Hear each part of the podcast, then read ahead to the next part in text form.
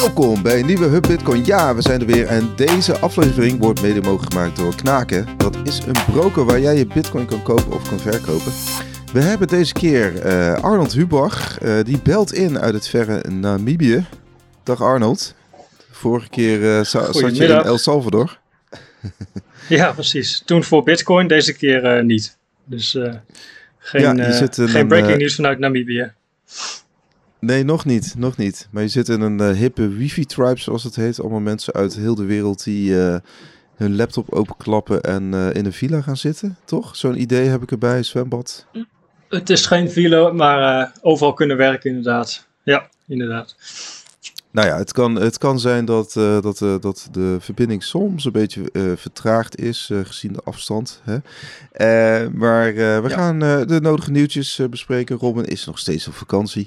Ja, moet ook gebeuren, hè? een beetje opladen tussen al het getik door. Uh, het eerste nieuwtje is uh, vier Amerikaanse bitcoinbedrijven getroffen door een groot datalek. Ja, opmerkelijk. Um, toch wel best wel wat bekende namen binnen de community. Swan Bitcoin, BlockFi, Unchained Capital en NIDIC. Ja, opvallend hè.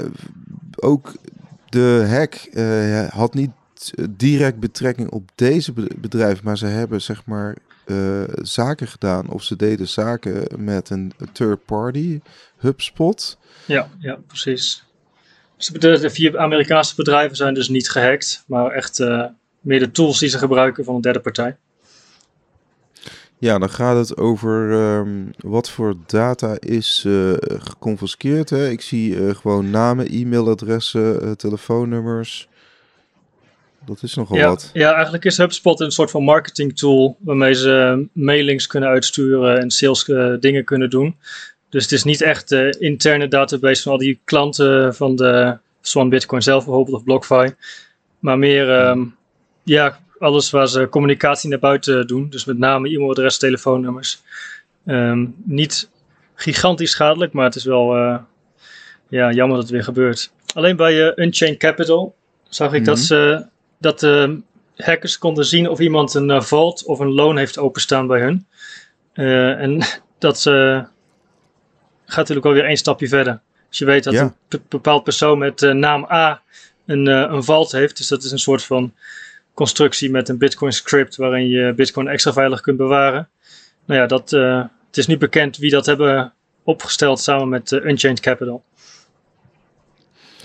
Nee, ja, goed, toch wel, toch wel pijnlijk, hè? Want je hebt natuurlijk uh, gewoon particulieren, maar ook bedrijven die, uh, die gewoon hun bitcoin laten opslaan bij, uh, bij Unchained. Hè? Er, er, is ook, het is natuurlijk het bedrijf van Parker Lewis, best wel een bekende bitcoiner in Amerika. Er wordt ook veel reclame voor gemaakt in allerlei podcasts ook, voor Unchained Capital.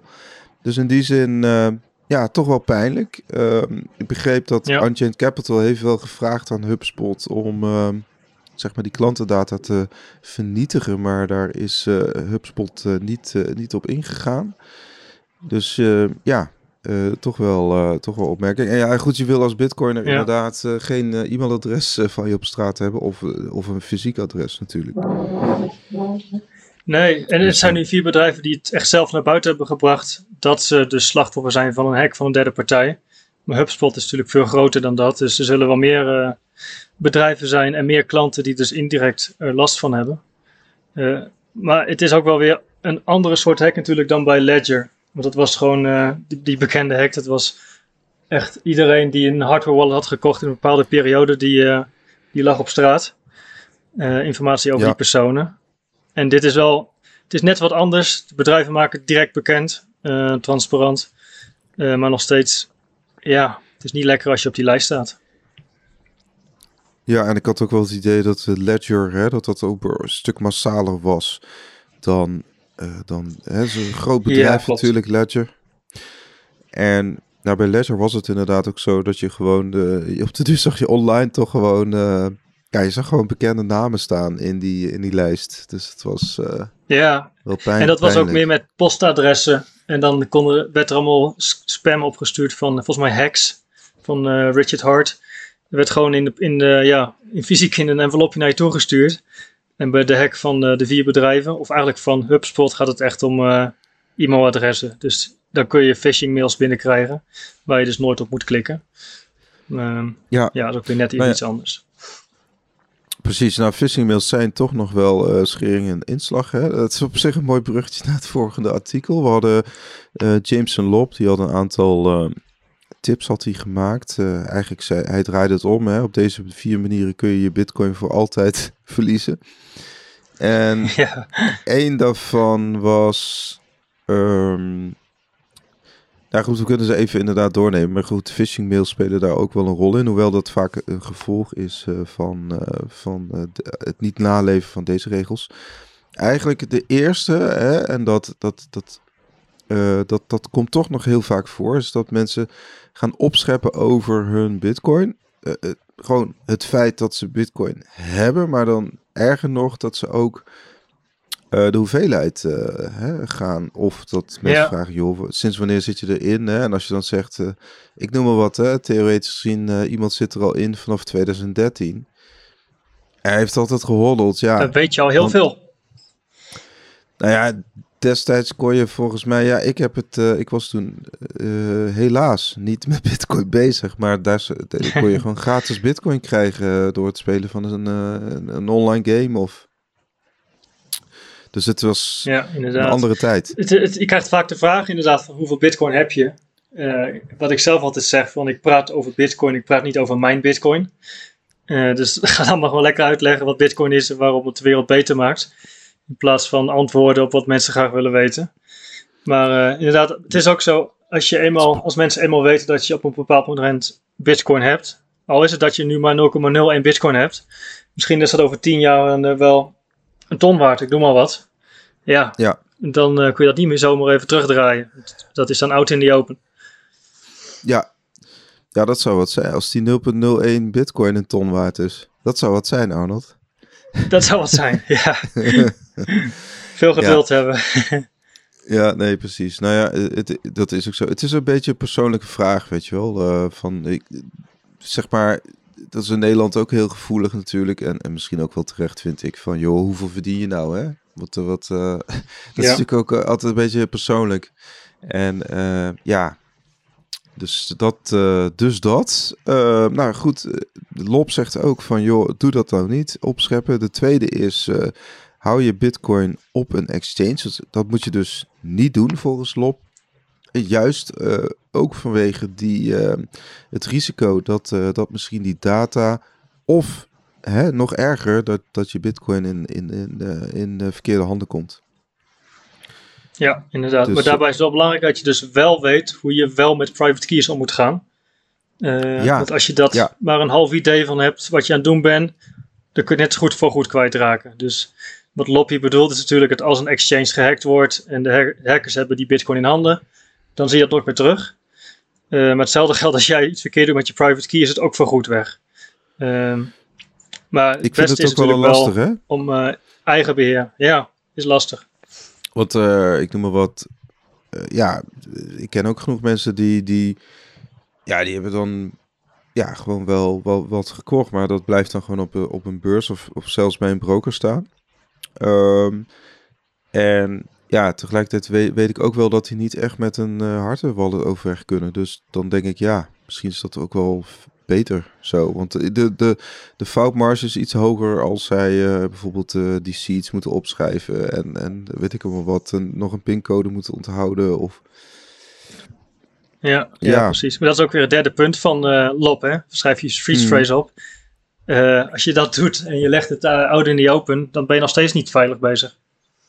Ja, ja, ik zit me nu te denken, de lezers moeten het, moeten het ook echt andersom lezen. Dit, dit zijn geen tips, om. Uh, je moet het andersom. Doe deze tips niet. Want. Ja. Precies. Ja, dus schrijf wel je seed phrase op, eventueel, maar doe het gewoon één keer en leg hem niet naast je ledger. Of niet, plak het niet op je keuken, op je, op je koelkast met een, als een memo-blaadje. Um, ja, doe, doe dat dus niet, inderdaad. Ja, en hij zegt ook, hè, dat hebben we ook wel gezien bijvoorbeeld in dat onderzoek van de FBI. Dan hadden, hadden hackers of zo hadden inderdaad ook eh, bitcoin weggesluist. En dan was er een, een of andere uh, Money Mule was ook weer gebruikt. En die hadden het dan volgens mij had hij de seeds dan weer uh, in een of andere cloud provider uh, op, uh, opgeslagen, waardoor de FBI daar gaandeweg achter kwam. Hè? Dus dat, dat was volgens mij vorig jaar ja. dat, dat er stond er in alle nieuwsartikelen stond er ja, de FBI heeft Bitcoin gekraakt. De Bitcoin code is gekraakt, maar dat, dat bleek dus om een um, Klopt, ja. om de seeds te gaan bij een cloud provider. Dat was inderdaad met de Colonial Pipeline, die ransomware aanval. Uh, oh ja. Ik weet nog wel dat toen een, uh, een huisgenoot van mij wel vertelde dat die werkte in cybercrime uh, beveiliging. dat de FBI dus gewoon één specifieke Windows computer een update kan laten uitvoeren. Om dus net toegang te krijgen tot één specifiek nou ja, mapje waar dan iets in staat. Dus zelfs als je het lokaal op je computer opslaat, gewoon op je bureaublad of waar dan ook, mm. is het toch niet eens veilig.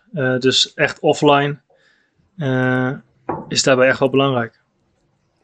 Ja, nou je moet de mensen de kost geven die ook uh, nog steeds een sheet als een, een soort Word documentje op een bureaublad hebben staan. Dat, dat, dat komt nog steeds mm. voor. En dat gaat dus dat één keer mis. Ooit. Nou, het is recipe for disaster, want ja, je moet je toch je computer moet je up-to-date houden. Uh, de gemiddelde laptop is toch volgens mij minder beveiligd dan bijvoorbeeld je mobiele telefoon. Hè? Er zit veel meer Ehm, ik weet wel dat, uh, ik weet dat, uh, volgens mij zo Robin tikte dat wel, weet je wel. Dat, uh, die gaf ook wel wat tips en die, die, die gaf toch ook wel aan dat de gemiddelde mobiele telefoon over het algemeen wel veiliger is dan, dan een laptop of een, of een desktop. Ja, ik denk dat je op je, op je laptop inderdaad makkelijker op iets verkeers klikt of een malware download die al je mapjes uitleest op private keys en dat soort dingen. Ja, dus, ja. Nou goed, uh, de vierde tip om vooral niet te doen uh, is uh, niet denken aan je erfgenamen. Hè, dus om, om, om je vermogen zo snel mogelijk kwijt te raken, om je bitcoin vermogen zo snel mogelijk kwijt te raken, is, is om niet je vrouw of je man of je vriendin, whatever, of je oom, tante, kinderen, nik, ja, gewoon niet te informeren erover. Dat, dat moet je dus vooral ja. niet doen. Uh, dat is meer inderdaad van dat de bitcoin al goed kwijt is als jij overlijdt. En dat is ook niemand anders meer wat aan heeft. Dus Satoshi zou het zeggen van een donatie aan de bitcoin gemeenschap. Maar uh, je familie zou er toch wel wat anders over nadenken. Ja, nou Lop die predikt ook een beetje natuurlijk voor eigen parochie in die zin. Omdat uh, Casa, dat is een bedrijf waar hij, wat hij mede heeft opgericht. Hij is hij CTO en dat uh, is, die hebben bijvoorbeeld ook van die inheritance plans. Wat is eigenlijk een soort, in hun geval is het software om ervoor te zorgen dat bijvoorbeeld uh, je erfgenamen op de een of andere manier toch altijd, hè, uh, mocht je bijvoorbeeld onder, onder een bus lopen of een tram, dat je dan gewoon wel dat je erfgenamen uh, toegang krijgen tot, uh, tot die bitcoin. Ja. ja, je kunt het ook zelf opzetten. Is er wel iets technischer met uh, bijvoorbeeld een 2 uit 3 multisig. dus dan heb jij ja. als echt eigenaar één key. Eentje ligt bij de notaris en een derde die is bij je familie. dus dan moet de notaris kan eens eentje er nooit bij. En als jij overlijdt, dan moet dat gewoon duidelijk zijn voor de notaris van ja, persoon A is overleden.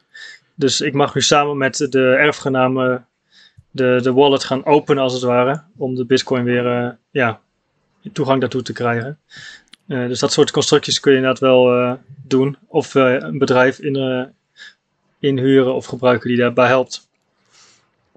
Ja, precies. Dus in, het geval van Casa is eigenlijk Casa die, die speelt de derde partij. Hè? En eh, ik noem maar wat, een van je erfgenamen is dan, heeft ook een key in handen, Kaas heeft een key in handen en jijzelf. En hè, twee uit drie keys, dan heb je nog steeds toegang tot... Uh, tot ja, je mag er eentje verliezen. En als het, uh, dat dan degene is uh, van wie het geld eigenlijk echt is, dan is er dus nog niks ergs aan de hand en is de bitcoin niet gelijk voetsie verdwenen.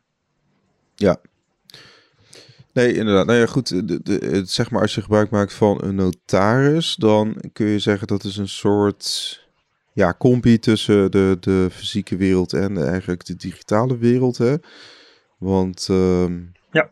eigenlijk is dan een notaris de derde partij en uh, jouw vrouw of man die is dan uh, de tweede partij. En ja, goed, dus dat, dat zou ook kunnen en, en, nou ja, goed, je moet natuurlijk eh, je, je, je erfgenaam mun of erfgenaam me moet je ook uh, goed informeren over uh, hoe, hoe dat dan zit hè, met een private key, het opslaan van seeds, et cetera. Ja, ja, inderdaad. Of als je bijvoorbeeld ooit je familie de setup hebt uitgelegd, maar je verandert het later weer. Hou ja. ze dan ook op de hoogte en in de loop, want anders hebben ze alsnog niks. Precies, precies. En het is uh, dan goed, heel, het, heel uh, aantrekkelijk om uh, gewoon je hele private key te delen of je seed phrase. door hem gewoon te kopiëren en dan bij je, bij je vader of moeder in een kluisje te leggen bijvoorbeeld. Maar dat betekent dus ook dat als zij daar niet goed mee omgaan, dat een, een derde partij gewoon in één keer bij het hele geld kan.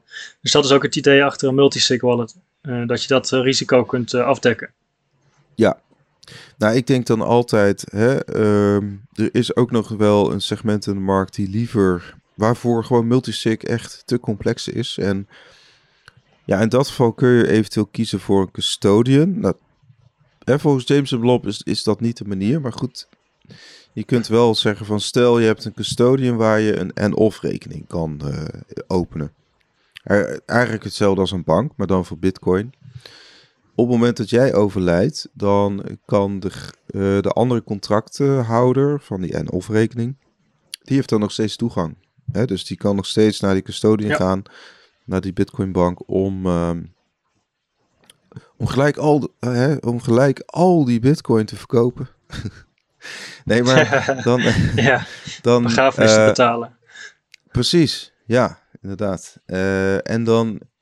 Dus nou ja, goed, dat, dat is ook nog gewoon een, een mogelijkheid. Hè? En er is ook nog wel een uh, mogelijkheid om dat bijvoorbeeld te combineren. Dat je zegt, nou, een deel doe je met multisig, een deel doe je juist via een custodial manier. Hè, dus er is niet een, een, uh, en een deel in eigen beheer. Regel. Ook om die spreiding inderdaad weer te, te hebben.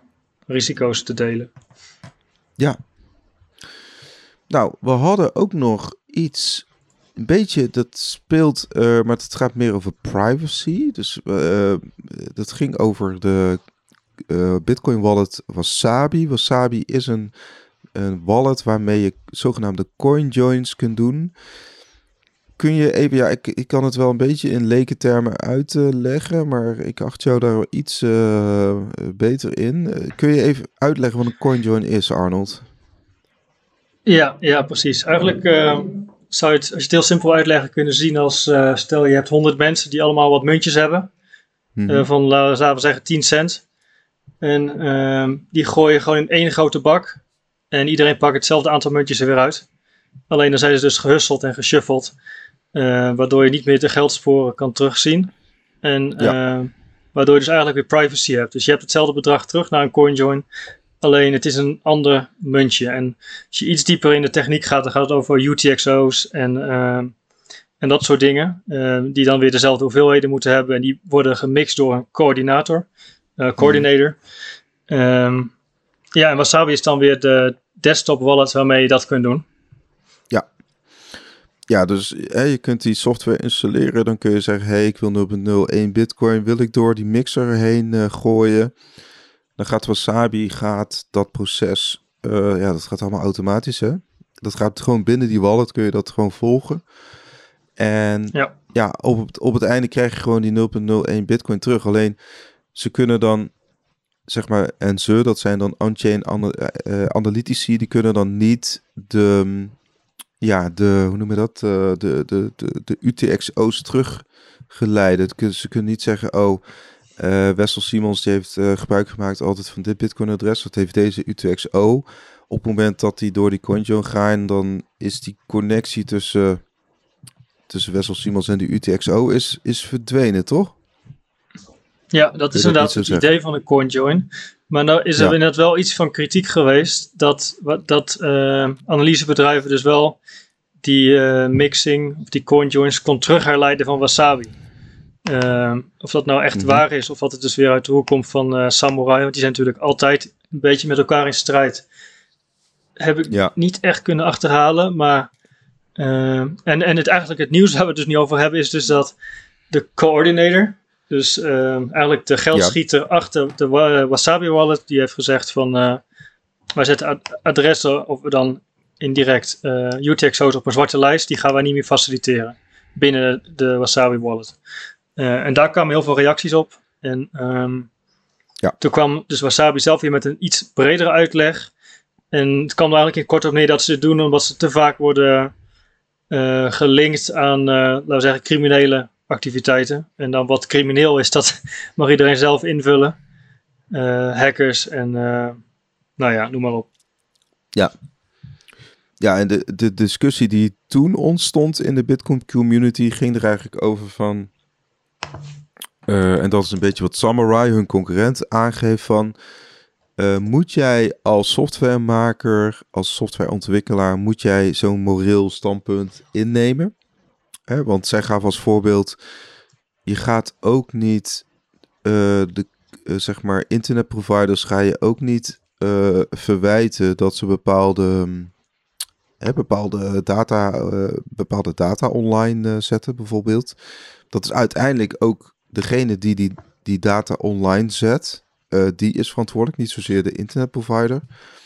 En zo ziet, zo ziet in ieder geval Samurai het ook, hè, van hey, wij zijn gewoon het, wij faciliteren deze bitcoin transacties, maar degene achter die bitcoin... We zijn een ja, doorgeefluik eigenlijk.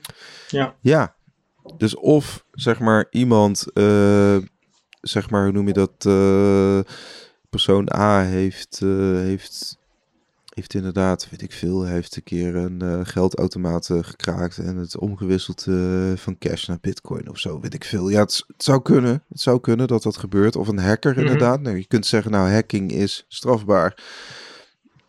iemand wil die bitcoin die die bij een hack heeft gepakt, wil die, wil die mixen. Nou, moet je dan, moet je dan Wasabi of Samurai daarvoor aansprakelijk stellen? Dat, dat is een beetje de vraag. En Wasabi ja, ja, zegt van, hey, wij, gaan onze code aanpassen. En Samurai zegt, nee, dat, dat, dat gaan wij niet doen. Want ja, wij zijn niet verantwoordelijk. Ja, precies. En dan bij Wasabi gaat het alleen over de, de default coordinator. Uh, dus die eigenlijk alle ja. datapakketjes doorgeeft om die coinjoins te kunnen doen. Uh, en het kan nog niet, maar ze zijn van plan dat er dus wel andere coordinators gebruikt kunnen worden als je een Wasabi wallet hebt uh, gedownload. Ik zag wel dat ze bezig waren met uh, Chaincase. Dat is ook uh, een nieuwe oh, CoinJoin ja. oplossing. Dat is een iPhone app. Want Samurai staat, bestaat bijvoorbeeld alleen maar voor Android, voor zover ik weet. En nu is er ook dus Klopt. een app in de maak voor iPhone gebruikers. dus dan zou je die als coördinator kunnen gebruiken. En je hebt ook nog wel andere oplossingen met Join Markets en Whirlpool en zo. Maar het gaat dus nu specifiek over de coördinator van Wasabi zelf, die dus een paar adressen op de zwarte lijst gaat zetten. Dus dat betekent ook niet dat ze helemaal ermee stoppen, maar het is, uh, als jij niks verkeerd hebt gedaan, je staat niet op een zwarte lijst, kun je nog steeds gewoon de Wasabi wallet gebruiken. Um, maar ja, dit is dus al een stap te ver volgens uh, veel privacy uh, aanhangers. Precies, inderdaad. Hè, als je gewoon je hardware wallet, cold card of whatever, je wil die gebruiken in combinatie met Wasabi, wallet, je desktop wallet, dan kan dat gewoon nog, hè, zonder dat je bijvoorbeeld uh, gaat coinjoinen. Dus uh, ja. ik ken de Wasabi wallet ook en dat werkt op zich goed. Hè? Uh, ga ik het nu niet gebruiken? Ja, weet ik niet. Ik bedoel, ik, ik, ik persoonlijk gebruikte eigenlijk CoinJoin niet. Maar ik ook niet. Ja, weet je, als, als een wallet gewoon doet wat hij moet doen, uh, dan ja, waarom niet? Maar goed, binnen de, ik snap wel de kritiek ook wel dat, ehm, dat binnen, binnen dat hele spectrum van privacy en juist privacy en vrijheid, hè, en het gaat om van surveillance versus financiële privacy, dat, dat nu Wasabi wel minpunten scoort. Dat snap ik. Absoluut. Uh, ja, inderdaad. Ja. En uh, nou ja, het, het ludieke is weer dat je bij uh, Samurai krijg je 30% korting als je de code Wasabi Refugees intikt. Heb je die, uh, heb je die meegekregen? Ik zag het inderdaad, ja. Ja, ja dus nou ja, goed, dat geldt alleen voor vandaag overigens. Maar goed, um, dan gaan we verder. Wat, was wat, nou, nog even, wat het is geen sponsor, maar op zich Samurai maakt er ook zo'n hele vette node hebben zij toch? Is dat uh, Running Dojo of zo? Ik, uh, ik, ja, ja, ik ken het niet eigenlijk, want nooit gebruikt. Ik heb ook geen Android, um, dus dan wordt het alweer lastiger. Oh nee, ik zie het al. De, de korting heeft, heeft niet betrekking op hardware, maar alleen op de mixing fees bij Whirlpool. Ja, nou ja, goed. Ehm, goed, dan wij gaan verder. Wij gaan even een rondje internationaal doen. Want we zitten hier natuurlijk met eh, toch wel een El Salvador-kenner. Want je was er vorig jaar.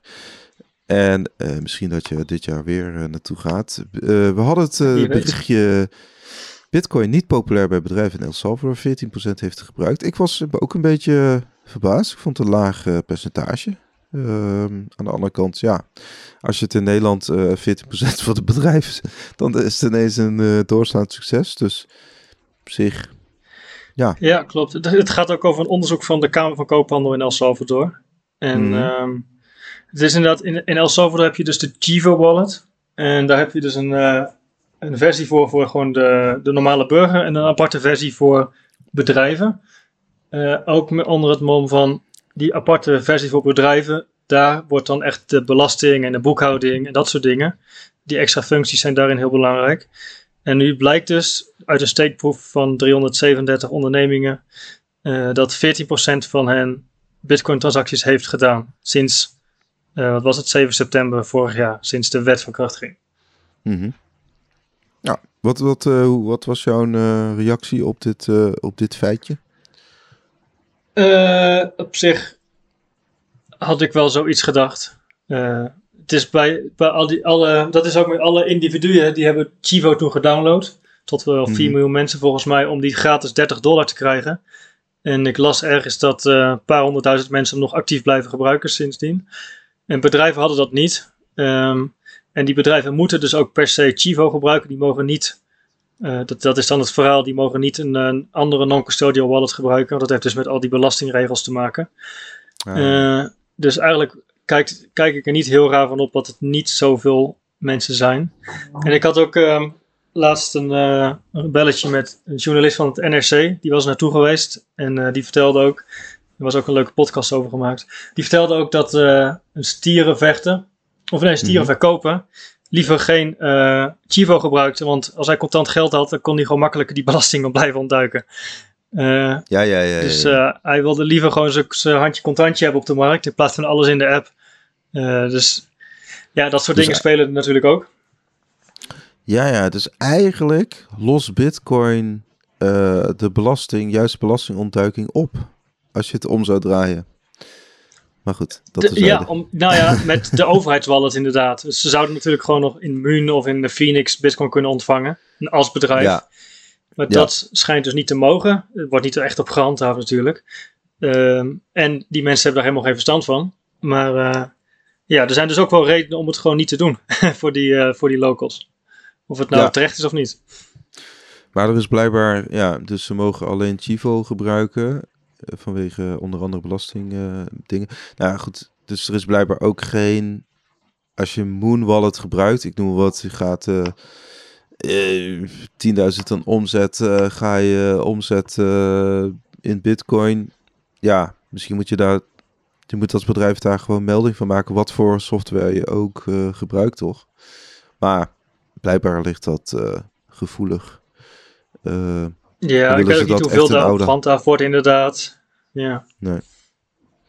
Okay, andersom, in 2001 toen gingen ze van de Amerikaanse dollar, van de kolon naar de Amerikaanse dollar.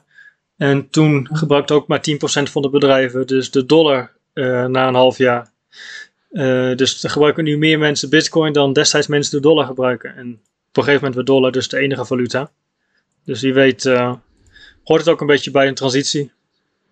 Ja, inderdaad.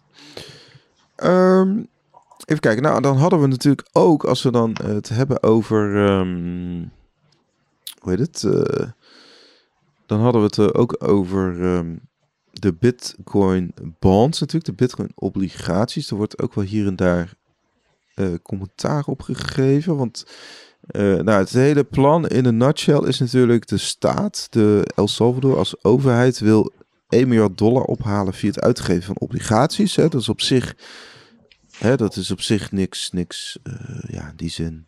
Alleen ze gaan dat doen, uh, die 1 miljard dollar, die gaan ze dan weer gebruiken om bitcoin te kopen. En de winst uit die, hè, ze hopen dan dat die, die 1, 1 miljard aan bitcoin gaat dan winst genereren, rendement. Die rendement gaan ze gebruiken om zeg maar die rente uit te keren op de yield eigenlijk op die obligaties uit te keren hè, voor de inleggers. Dus, ja, uh, volgens mij wordt de helft omgezet in bitcoin kopen en de andere helft wordt gebruikt om mining farms op te zetten bij de Bitcoin City. Maar inderdaad, en dan de winsten uit wordt dan weer uh, gebruikt om dus die, uh, volgens mij 6,5% of zo, kun je het niet eens meer uh, uit te betalen. En ja. eigenlijk, het, want dit is al wel langer bekend, maar de minister van Financiën die maakte een maandje geleden bekend dat dit tussen 15 en 20 maart zou gaan gebeuren. Nou, het is vandaag maandag 21 maart en er is nog niks naar buiten gebracht, nee. officieel. Um, dus er is al wat vertraging gekomen. En er is wel iets verteld of gezegd dat het te maken zou hebben met Oekraïne. En dat het niet echt een lekkere timing is om zulke dingen. Nou ja, het, gaat natuurlijk ook om publiciteit. Zo eerlijk moet ook zijn bij El Salvador. En uh, als we Bukele een beetje kennen. Dus wellicht, waarschijnlijk uh, hebben ze het uitgesteld om die timing nog uh, iets beter te krijgen. en er gingen wat verhalen rond dat dus het overheidsbedrijf Lageo, of ja. Lageo, geen idee hoe dat zegt in het Spaans dat die dan zou worden gebruikt als bedrijf die al die bonds zou uitschrijven. Uh, en dit is ook het, uh, uh, het bedrijf dat dus de geothermische warmte regelt. En ook waar dus mhm. de eerste mining for rigs staan van El Salvador. Dus er gaan verhalen dat dat bedrijf erbij betrokken zou zijn. En dat dat bedrijf nooit groot genoeg is om die miljard op te halen en dus die dividend uit te keren. Maar dat is dus niet bevestigd. En uh, ook niet, uh, niet echt ontkend. Wel door een overheidsmevrouw, uh, mm -hmm. Monica Taget, die zei dat er veel conspiracies waren. Dus of ze daarop doelt, weet ik niet. Maar eigenlijk resume, er is vertraging en er is nog steeds niks over bekend. Ja, nou ja, de vraag is natuurlijk een beetje van waarom gaan ze dan een relatief klein bedrijf hiervoor gebruiken? Waarom houden ze het niet helemaal uh, 100% in eigen hand? Dat, dat uh, snap ik niet helemaal. Nee, de vraag ja, maar... is of ze dat gaan doen. Hè? Dat is, uh, het is een, ja. een, blogpost dat veel rondging, wat wel goed in elkaar okay. zat, maar wat nooit is bevestigd. Nee. Nou ja, kijk, hij, ja, Eigenlijk wat ze natuurlijk uh, proberen is uh, het trucje van uh, MicroStrategy, maar dan, dan via de overheidskas. Dus ze zeggen eigenlijk van, ja, we gaan geld ophalen in de markt tegen 6,5% rente. Wat best wel hoog is volgens mij. En um, ik weet niet over wat voor periode dat wordt uitbetaald, hè, want ze moeten dan die rente natuurlijk ook wel gaan uitbetalen over, vaak is dat vijf of tien jaar. Maar Volgens mij was dit vijf jaar inderdaad, ja. Ja, maar op zich, ja, het, het, het wordt natuurlijk massaal al door bedrijven gedaan. Alleen dan gebruiken ze de andere, dan kopen ze de andere spulletjes voor en geen bitcoin. En dus ja, dat, en uh, gewoon obligaties op staatsniveau gebeurt ook natuurlijk vaak genoeg. Ja, ja dus dat is ook nee, niet nieuws. Maar het enige nee, wat we nu gewoon weten is de, de sheet op de presentatie tijdens die conferentie in november waarin dan wat informatie stond in een tabelletje. Maar er is nog niks bekend gemaakt aan officiële documentatie en, en dat soort dingen. Ja, nou ja, spannend. Het hangt in ieder geval boven, boven de markt. Hè. We hebben 6, van 6 uh, tot 9 april hebben we natuurlijk die grote Bitcoin-conferentie in Miami. En daar is natuurlijk ook weer Najib Bukele, dat is president van El Salvador. Wie weet dat hij ook met nieuws komt. We zagen Max Keizer, die begon ook al een beetje te roeptoeteren over Honduras. Honduras zou dezelfde uh, route gaan volgen als El Salvador. Ja. Moeten we ook nog maar eventjes zien of dat uh, gaat gebeuren. Uh, als je een legal tender, als je dat in een uh, nieuwskop ziet, dan ja, moet je dat toch wel echt drie dubbel checken voordat dat, voordat het nieuwswaardig is. Want Absoluut. ja, er gaan heel veel geruchten in de markt. Um, we blijven heel even internationaal. We hadden ook het IMF, die roept Argentinië op om het bitcoin-gebruik te ontmoedigen. Ja, ze zijn natuurlijk bang dat het IMF, Internationaal Monetair Fonds, hè, dat is een fonds, uh, die wordt door niemand gekozen. Dat is ooit uh, ja, gewoon aangewezen. Dat zijn aangewezen personen door ja, door wie? Dat is volgens mij een relatief uh, beperkt clubje mensen die die mensen aanwijst. Het is opgesteld of opgericht uh, volgens mij na uh, Bretton Woods in 1945. Volgens mij is de IMF net zoals de Wereldbank toen opgericht. En dat was dus ook met de intrede van fiat geld en centraal uitgegeven ongedekt overheidsgeld. en ja, daarom zijn ze geen fan van bitcoin. En nu hebben ze in een richting Argentinië dus een soort van paragraaf doorheen gekregen in een wat was het ook weer, een eh, overeenkomst over de herfinanciering van openstaande schulden.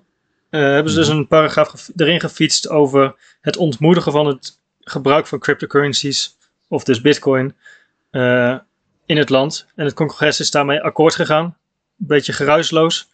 En uh, dat is eigenlijk de status nu.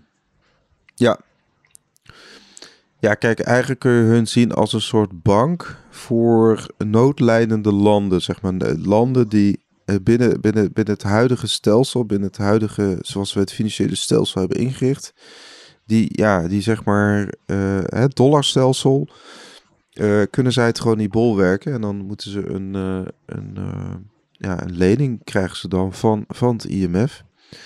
Hè,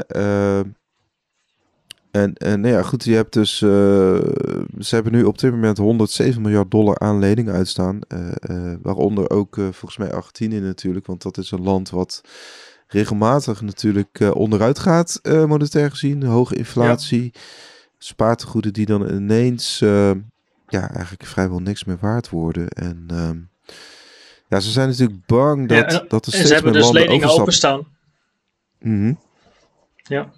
En die leningen die openstaan moeten worden afbetaald. En uh, het IMF heeft daar dus een nieuw soort van beleid, fiscaal beleid voor opgesteld.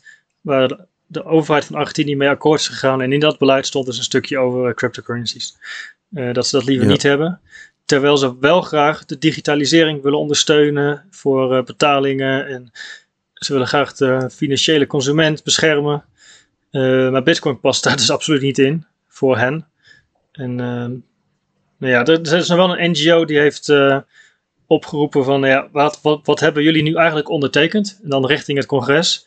En die wilde inzichten krijgen in alle documenten.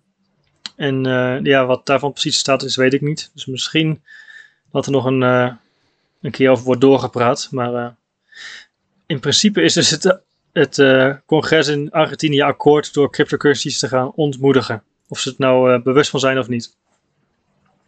Precies, nou ja, onder andere de Moon Wallet, M-U-U-N, komt uit Argentinië inderdaad. En we hebben ook Strike hè, van Jack Mellers, is onlangs ook gelanceerd in, in Argentinië. Dat doet hij ook niet zomaar. Hè. Die jongen die doet ook wel een beetje marktonderzoek en die gelooft natuurlijk wel dat... Ja, het was wel de dollarversie, hè, dus je kunt er gewoon dollars over, uh, over die Strike-app, uh, over het Lightning-netwerk uh, versturen kun je zeggen. Nou ja, goed. aan de achterkant klopt het volgens mij niet helemaal. Maar aan de voorkant zie je eigenlijk alleen maar dollars. Maar op de ja, back-end, klopt. aan de back-end, kun jij dat misschien nog een keer uitleggen hoe dat werkt? Want de back-end, hij gebruikt... Nou, het, het komt erop neer... Uh, ja, er zit iets met Tether in het verhaal. En uh, het komt erop neer dus dat dus, volgens mij... mensen in Argentinië kunnen wel bitcoin ontvangen en daarmee dollars aanhouden. En dat bitcoin ontvangen gaat dan via Lightning. Uh, maar ze hebben dus geen bitcoin balans in de app. Dus ze kunnen gewoon de dollar aanhouden. Uh, maar hoe dat dus precies is, is een beetje vaag geweest inderdaad. Ook met de lancering werd heel groot afgekondigd. Maar het lijkt dus echt een mi miniatuurversie van de, de bekende Strike app zoals die in Amerika is uh, te zijn. Dus met weinig functies. Alleen een dollarbalans, geen bitcoin kopen, alleen ontvangen. ja, dat is de situatie. Ja.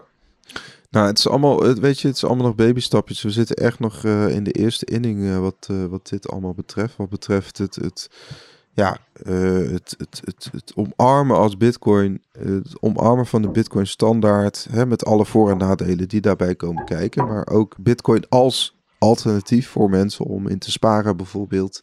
Hè, en dat ook wettelijk erkennen dat, uh, dat, dat, dat uh, is nog ver weg. Uh, we zien bijvoorbeeld in de Oekraïne dat ja, klanten van de grootste Oekraïnse bank, hoe heet die, bank nou? Private Bank, Privaatbank? Heet die, private bank, yeah. kunnen geen bitcoin kopen via Binance bijvoorbeeld of andere beurzen. Eigenlijk zeggen ze, ja goed, ze hebben 20 miljoen klanten, heeft die bank. En mensen kunnen dus geen ze kunnen niet meer met hun lokale uh, valuta, Gifna, kunnen ze geen uh, bitcoin meer kopen. Uh, via, nee. via hun. Dus zeg maar, ik, zeg maar een SEPA-overschrijving, dat is dus gewoon afgeblokkeerd. ja, nou waren er wel maar twee buitenlandse beurzen waar de Grief nou ook als handelspaar uh, was. Dat was dus Binance en Local Bitcoins. En dan heb je dus nog de Oekraïnse platformen. Volgens mij blijft dat wel werken. En het mhm. gaat ook echt alleen om deze ene bank uh, die dit doet. En de, waarom ze het doen is niet bekend, maar Binance heeft het naar buiten gebracht. en ja, misschien is het tijdelijk, misschien niet. Want het is, het is op zich opmerkelijk, want de president Zelensky heeft net vorige week een wet goedgekeurd dat hmm. Bitcoin legaliseert en die, dat zegt van alle Bitcoin bedrijven moeten makkelijk een bankrekening kunnen krijgen. Uh, dus ja, het is ook weer een beetje apart dat nu die ene bank terugkrabbelt. Uh, misschien is het tijdelijk, misschien niet. Ja, ik vond het ook een apart bericht inderdaad. We zien in ieder geval dat een land als, ja goed, ze hebben in dat land, in Oekraïne natuurlijk ook wel even wat andere zorgen op dit moment. Um, we zien wel in andere landen, inderdaad, Australië uh, maakt zich klaar voor grote stappen wat betreft Bitcoin-regulering. Nou, dat gaat dus, wat, zoals ik het begrijp, gaat het met name over het reguleren van uh, de sector zelf. Betekent dus het hè, vergunningsstelsel optuigen, zodat bedrijven in een land precies weten welke eisen moeten ze voldoen om Bitcoin te verkopen en te kopen, te bewaren, wallets uh, te onderhouden, et cetera. Um, dat, maar ook wel, ze zijn ook wel bezig met uh, wat, wat vriendelijke belasting voor cryptocurrencies, begrijp ik. Dus dat is op zich positief. Ja, ik weet niet precies hoe, de, hoe die regels met belasting precies zijn. Maar wat je in heel veel landen ziet is dat, uh, bijvoorbeeld in Amerika, is dat elke keer als je een betaling doet met bitcoin, of het omwisselt naar uh, de Australische dollar, dat dat bijvoorbeeld een, een belastbaar event is, een belastbare actie. En dat kan echt als je dan naar je papierwerk kijkt, dat is niet, niet om bij te houden. Dan weet ik niet of dit in Australië ook het geval is. Maar vaak past Bitcoin nog niet in de oude regeltjes. Waardoor uh, ja, het gewoon automatisch de eerste stap is, is dat het complex is. En nu proberen ze dat dus uh, in ieder geval te minimaliseren. Dat is het streven van uh, ja, de minister van Financiële Diensten in het land. En ze willen graag dat alle Bitcoin die Australiërs hebben, als ik het goed mhm. begrijp, dat die ook dus bij lokale beurs of custodial staan. Of misschien een, een, lokale tak van bijvoorbeeld een Binance of een andere exchange die dus in het land dan actief moet zijn. Ja, nou ja, dat, ja, nou ja goed, uh, daarbij kun je dus. Het, het, het, het zou wat zijn als de DNB gaat zeggen tegen, tegen Binance of tegen Knaken, knaken.nl, uh, is een Nederlandse broker knaken.nl. Dan kun je bitcoin kopen of verkopen. Als ze zeggen tegen knaken van... hey, jij moet je bitcoin die je uh, verkoopt... die moet je ook uh, in Nederland bewaren. Hè, bij een bank of bij een andere custodian. Ja, de vraag is of dat in ieder geval in Europa te... Nou ja, dat is op zich goed nieuws voor bepaalde bedrijven... zoals bijvoorbeeld Amdax of zo. Hè, daar, daar is het dan ineens wel denk ik goed nieuws ja. voor... want die krijgen ineens allerlei nieuwe klanten. Maar ik denk ook van, hé, hey, dat wordt dan nog makkelijker om die bitcoin dus uh, te bevriezen. Hè? Of die te goede vasthouden. Absoluut. Ja. Dus het is in die zin... Ja, gelukkig gaat het nu om Australië. Uh, dat is veel verder weg, kun je het niet hebben. Nee, dat, dat, dat wel, inderdaad. Heb je daar nog plannen voor om naar Australië te gaan, Arnold? Ik bedoel, je zit nu in Windhoek. Maar... niet per se. Ja, ik zou eerder teruggaan naar Centraal-Amerika. Wie weet Honduras dan uh, oh, naar Australië. Jij gaat gewoon die legal tenders achteraan, hè? Overal waar die legal Bitcoin is legal tender. Augustus okay. uh, naar Tonga klinkt, klinkt prima. ja. Nou, laten we hopen dat je nog een aantal reisjes mag maken. Als jij, uh, als jij inderdaad gewoon die legal tenders uh, achteraan wil, wil, gaan reizen, dan... Goed, we hebben nog een nieuwtje Lightning netwerken. Uh, dat is, uh, um, hoe heet het? Het Lightning-netwerk, ja, ik was heel even afgeleid. Dat is het sub, de sublaag op Bitcoin-netwerk. Er zit nu uh, 150 miljoen aan Bitcoin op, op, dit, op deze laag. eigenlijk voor snelle betalingen. Hè. Je kunt gewoon kanaaltjes openen. Dan kun je gewoon ja, je satje sturen naar iemand anders op het netwerk. En dat werkt feilloos, toch? Ik heb eigenlijk nooit problemen met Lightning. Nee, het gaat al een stuk makkelijker dan twee jaar geleden. En uh, dat aantal bitcoin wat dus nu in Lightning zit, uh, blijft ook maar stijgen. Omdat er steeds meer mensen het gemak inzien van goedkope, snelle bitcoin betaling. Ja, ik, ik merk ook aan mezelf van, kijk, uh, uh, van als je iemand wil onboorden, hè, want dat, dat vond ik op zich wel van Novogratz, Mike Novogratz zei wel van ja, Bitcoin is een narratief, Bitcoin is community. Het groeit alleen maar doordat er nieuwe personen uh, in die community komen. Dat geloof ik ook. Hè? Het is hetzelfde als met, met internet of met uh, ja, iets heel bazaals zoals Netflix. Of je hebt gewoon, je hebt community, je hebt gewoon alle netwerkeffecten. Netwerkeffecten inderdaad. Nou, dan is het op zich wel, uh, ik weet niet, zo'n Blue Wallet bijvoorbeeld. ja, Moon heb ik dan minder ervaring mee. Maar dat is toch makkelijker dan zeggen: hey, joh, je moet op de desktop moet je de Sparrow wallet downloaden of Wasabi. Toch? En dat, je kunt het ook gelijk laten ja. zien. Je hebt, en je kunt ook gewoon even een, uh, een, centje sturen in plaats van dat het dus on-chain uh, gelijk uh, weer extra feeds met zich meebrengt.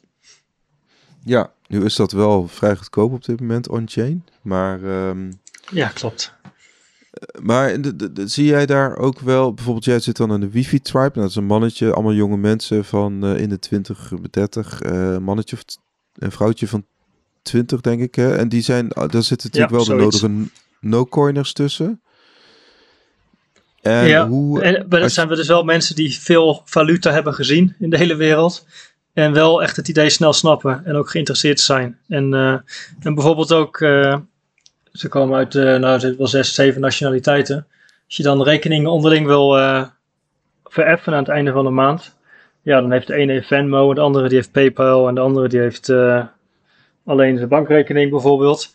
En dan uh, is die, die knop heel snel, die, die stap heel snel gemaakt naar dus Bitcoin als een betaalmiddel voor iedereen. Dus ik kan iedereen toesturen, maar ook gewoon één valuta. Dus dat je daar weer niet mee hoeft te, te veranderen. En ook niet de koerswisselingen tussen valuta.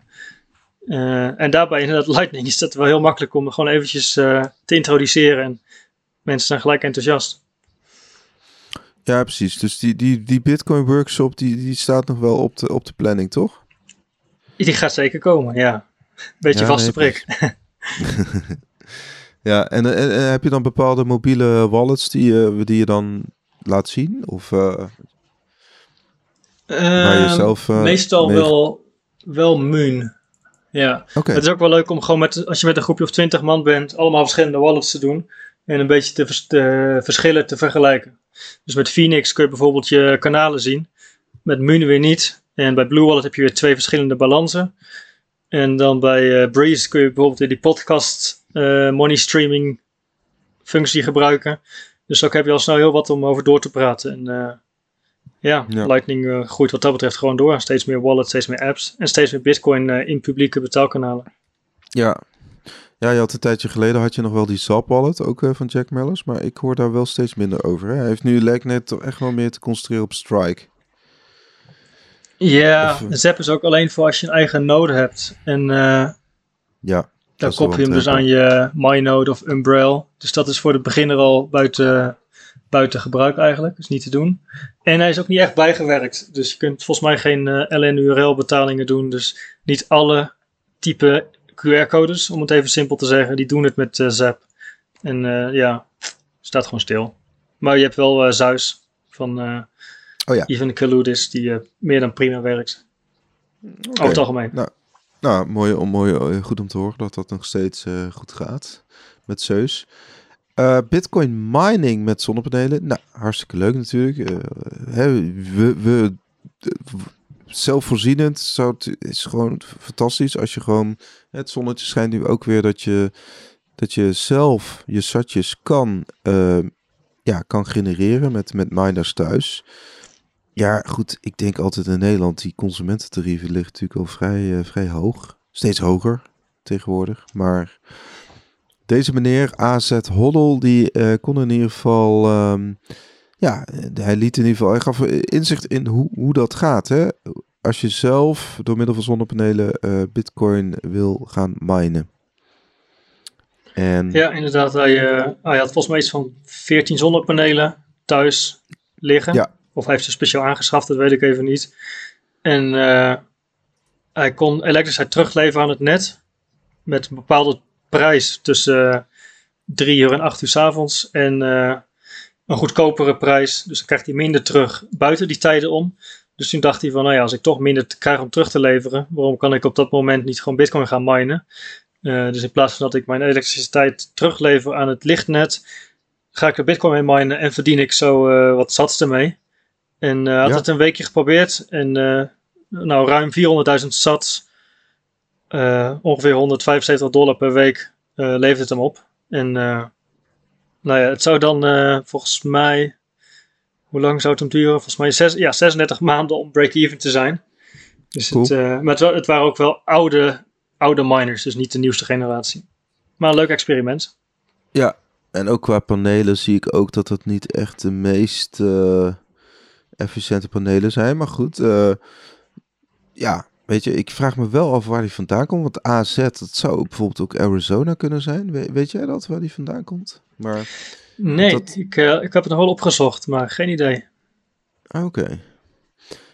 Ja, goed, het is in ieder geval een leuk, uh, leuk e-, experiment, weet je wel. En ook, um, ja, ik, je hebt in Nederland natuurlijk ook nog wel wat miners. We hebben natuurlijk die uh, jongen in Brabant die, die ook die bloemen ermee kweekt. En we hebben toch in, in het Westland hebben we ook iemand die iets met glastuinbouw en mining doet. Hoe heet hij ook weer? Jelmer ja. ter Wolde, klopt dat? Jelmer, Jelmer ter Wolde inderdaad, ja. Ja, dus nou ja, weet je, het kan wel, maar ik denk dat het in Nederland ook, omdat die zakelijke tarieven liggen natuurlijk lager, uh, kilowattuur tarieven, dat dat uh, aantrekkelijker is om dat zakelijk te doen dan, uh, dan privé. Maar goed, ehm, ja. En, je ziet nou wel dat er de laatste tijd heel veel overschot is door zonne-energie. dat ze gewoon niet weten wat ze ermee moeten. Dus ja. ja. Nee, inderdaad. Er is een, een, een overschot, inderdaad.